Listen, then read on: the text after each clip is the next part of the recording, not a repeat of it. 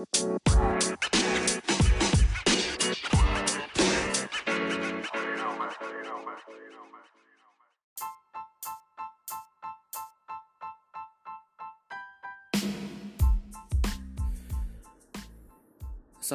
warahmatullahi wabarakatuh Kembali lagi di Oriasi Santai Bersama gue Muhammad Isan nah, Apa kabar nih teman-teman? Lagi dengerin podcast ini di mana? Di motor? Di angkutan umum? Atau lagi ya malam-malam di rumah menjelang tidur? Ya soalnya gue habis uh, baca survei ya tentang podcast ada di Daily Sosial lo bisa lihat ya cukup menarik aja untuk membaca data-data itu untuk uh, menerapkannya kali ya atau ya sekedar tahu aja sih having fun hmm, kali ini gue bakal membicarakan tentang buku kali ya. Jadi itu unik sebenarnya kalau lo dengerin prolog gue di orasi santai ini ya dengerin aja tuh agak ke ujung. Uh, di episode 0 ya. Ya waktu itu gue ngerekamnya uh, niatnya itu agar kegiatan di motor gue lebih produktif. Gue pulang di motor itu ya bisa sejam atau kalau lebih par kalau pulangnya habis maghrib gitu ya atau jam 5 ya sampai kena dua kali sholat kan ya total total bisa dua jam lebih lah. Dan gue pengen uh, lebih produktif di atas motor tapi ternyata sus susah juga ya susah ngerekam podcast di atas motor tuh. Ya faktornya ada banyak ada angin lah. Oh ya pokoknya angin ini jadi disrupsi yang paling ini ya yang paling susah untuk ditaklukkan lah.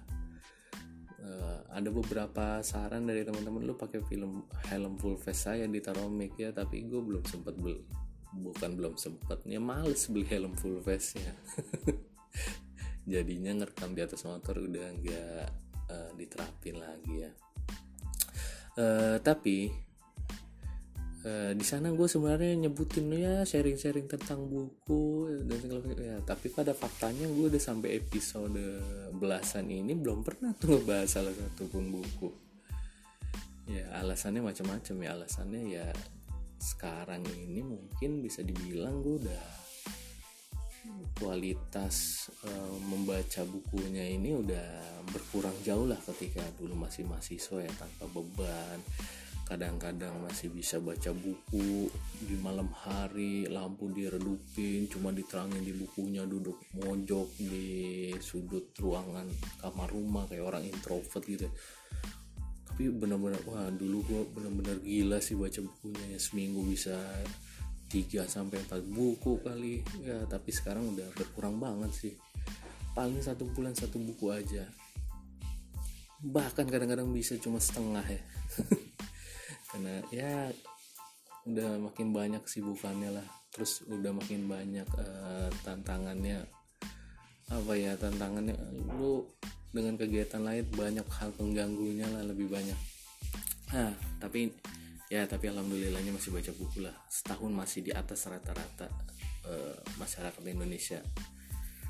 Kali ini gue pengen share tentang buku The Four empat besar uh, yang nulis Scott Galloway ini tentang DNA rahasia Amazon, Apple, Facebook dan Google. Mungkin ini buku uh, tentang apa ya teknologi dunia teknologi pertama gue ya. Pokoknya tentang dunia startup lah.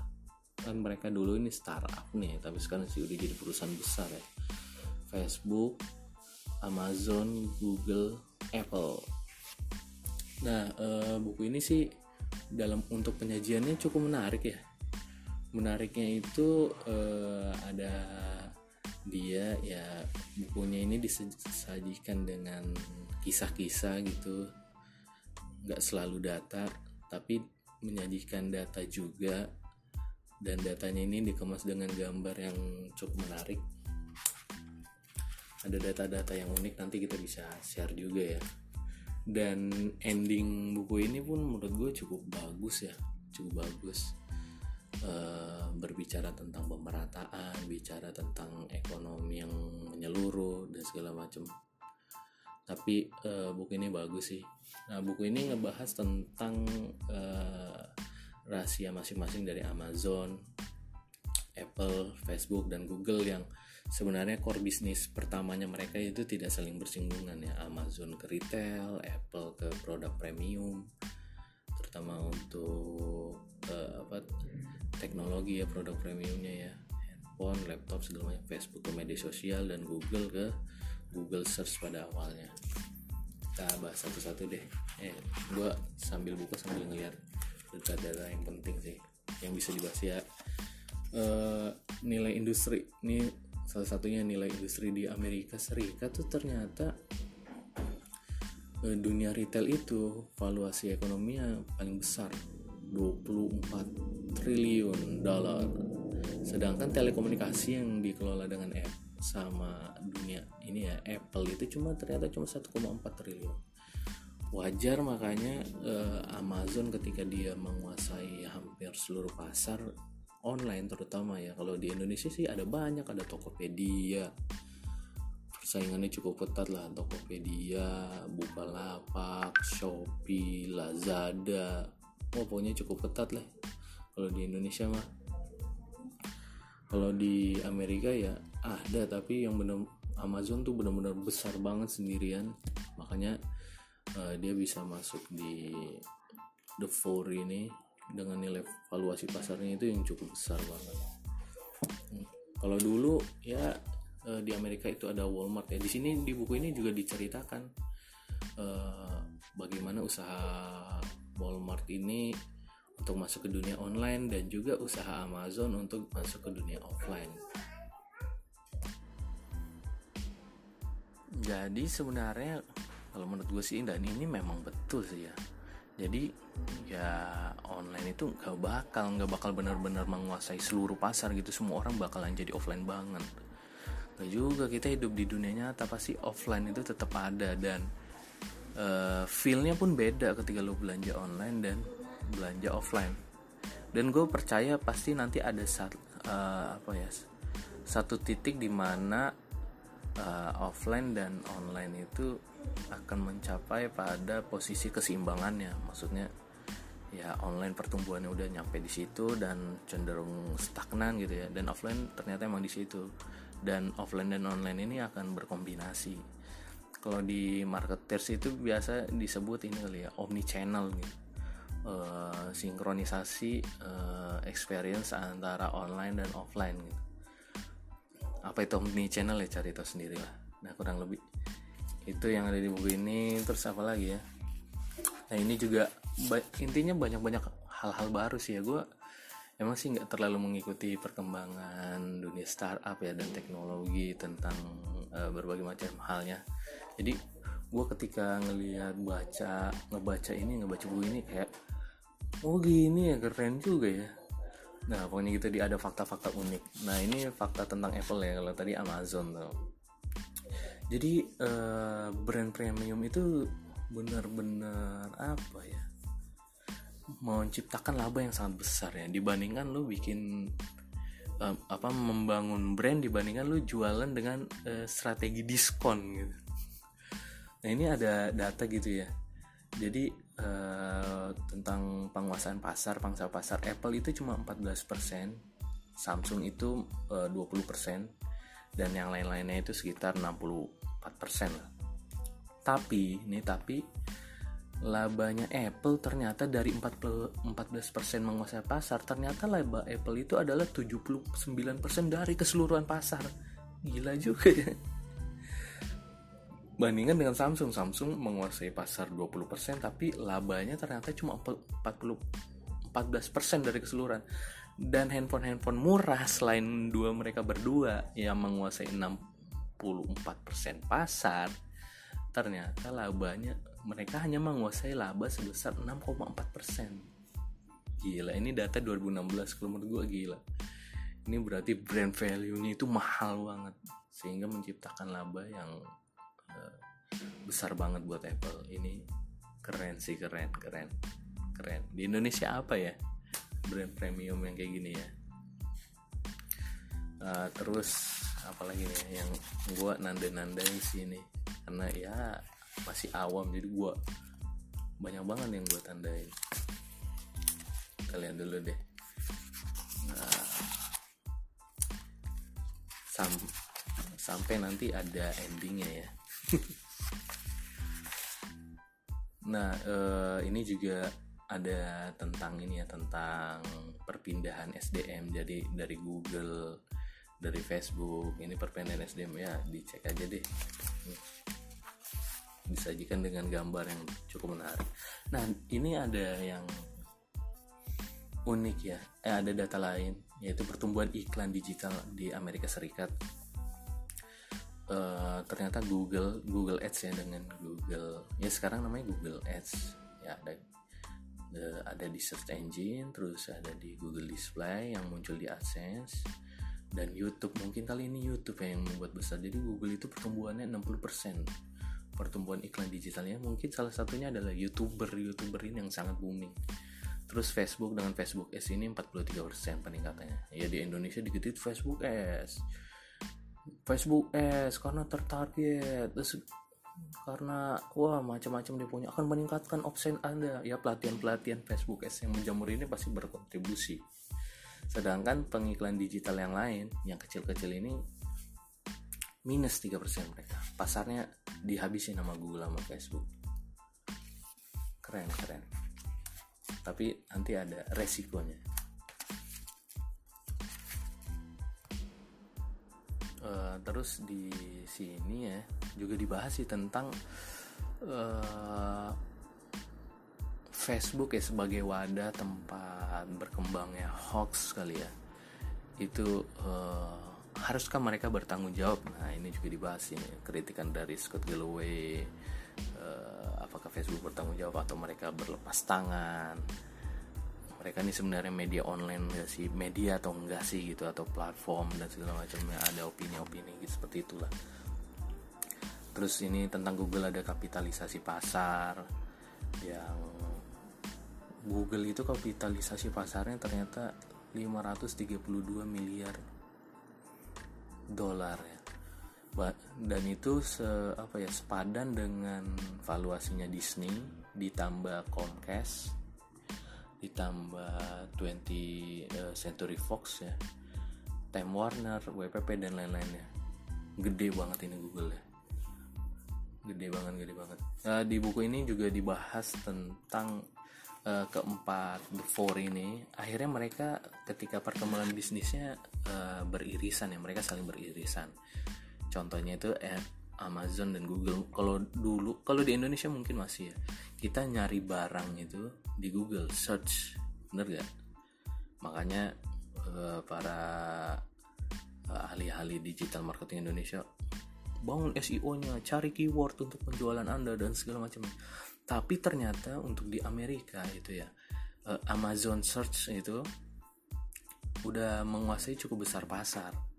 Jadi orang-orang ya yang dulunya ngegunain Google untuk mencari produk, mereka pindah ke Amazon yang jelas-jelas uh, punya jalur produknya gitu kan.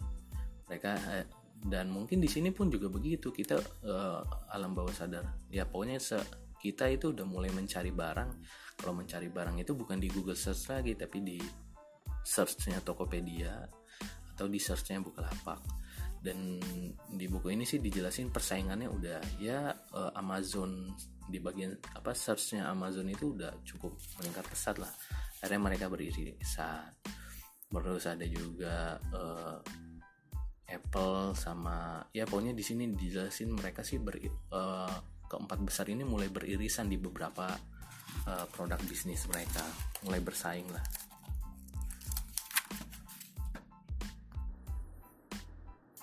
Selain itu di buku ini selain membahas keempat uh, empat besar ini ya empat oh, para penguasa mereka juga eh, mereka ya. Buku ini juga ngebahas tentang cara calon-calon raja baru.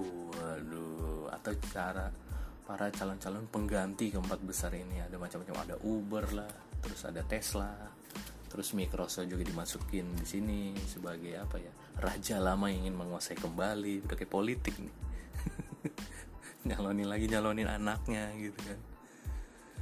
Uh, itu sih garis besar buku ini. Intinya sih buku ini menarik banget nih buat lo yang suka dengan teknologi. Terus uh, di sini enggak selain ngebaca rahasianya juga ngebaca kritik-kritikan untuk mereka ini untuk keempat besar ini dari sudut pandang yang mungkin kita nggak uh, terlalu update kali ya.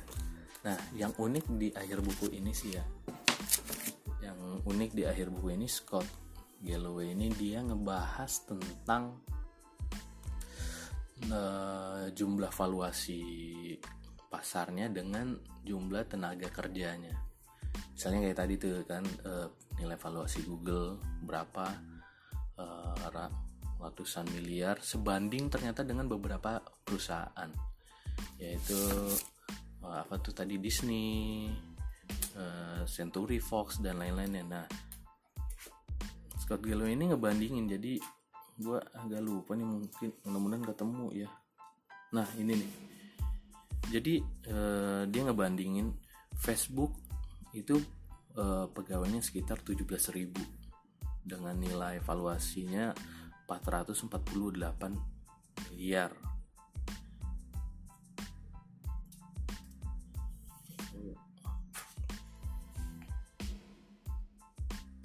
Nah, terus uh, Scott Galloway ini ngebandingin dengan Disney ya. Disney perusahaan dengan nilai valuasi yang lebih kecil yaitu 181 miliar tapi memperkerjakan 185 ribu orang ibaratnya nih ya kayak Indonesia aja nih ya kan? Kuenya besar. Setengah kue dikuasai segelintir orang. Setengah kuenya dikuasai seluruh hampir 80% masyarakat Indonesia. Jadi ini sebenarnya dilema kali ya. Uh, pertumbuhan perusahaan-perusahaan teknologi yang mengedepankan ya startup ya startup itu kan mengedepankan efisiensi uh, anggaran kecil impact besar orang sedikit impact besar nilai valuasi besar. Ternyata sebenarnya kita harus benar-benar apa ya benar-benar uh, menjaga pertumbuhan ini untuk tetap on the track. Jadi uh, nilai valuasinya harus tetap bisa menjangkau lebih banyak orang. Jangan sampai perusahaan-perusahaan besar ini nanti ya startup-startup Indonesia ini tumbuh besar nilai ekonominya besar tapi ternyata banyak masyarakat yang tidak bekerja. Terus uh, pengangguran makin banyak gitu ya. Uh, terus hanya segelintir orang yang bisa mengakses kekayaan itu dan segala macam intinya sih itu sih ini sangat menarik sih ya sangat menarik untuk kita renungin nih atau kita memikirkan apa sih solusi yang terbaik ketika Facebook Facebook ini tumbuh? Tapi untuk orang-orang sisa yang lain apa nih yang bisa uh, mereka kerjakan gitu ya? Uh, solusi dari seorang pemimpin negara lah terutama ya. Ini uh, karena bidangnya benar-benar ya mencakup satu negara gitu. Kalau udah ngomongin 8 pekerjaan nggak pekerjaan satu dua orang dan itu harus benar-benar kita perhatikan sih karena Indonesia ya saat ini uh, pasar yang sedang tumbuh perusahaan startup startup yang sedang tumbuh menjamur banyak ya. Mungkin sekarang lagi banyak dan mereka mulai akan terseleksi ya. Kayak fintech yang kemarin di uh, apa izinnya diputus oleh OJK kan mulai dikurang-kurangin. Mungkin nanti bakal dikurangi lagi lebih banyak kali ya. Itu aja uh, podcast orasi santai kali ini ya semoga bermanfaat deh. Iya. Yeah. akhirnya ada juga ya kita ngebahas satu buku. Mungkin ke depan kita bakal ngebahas buku-buku yang lain. Ini jangan lupa bukunya The Four empat besar Scott Galloway. Ini buku tentang tek teknologi startup pertama gue kali.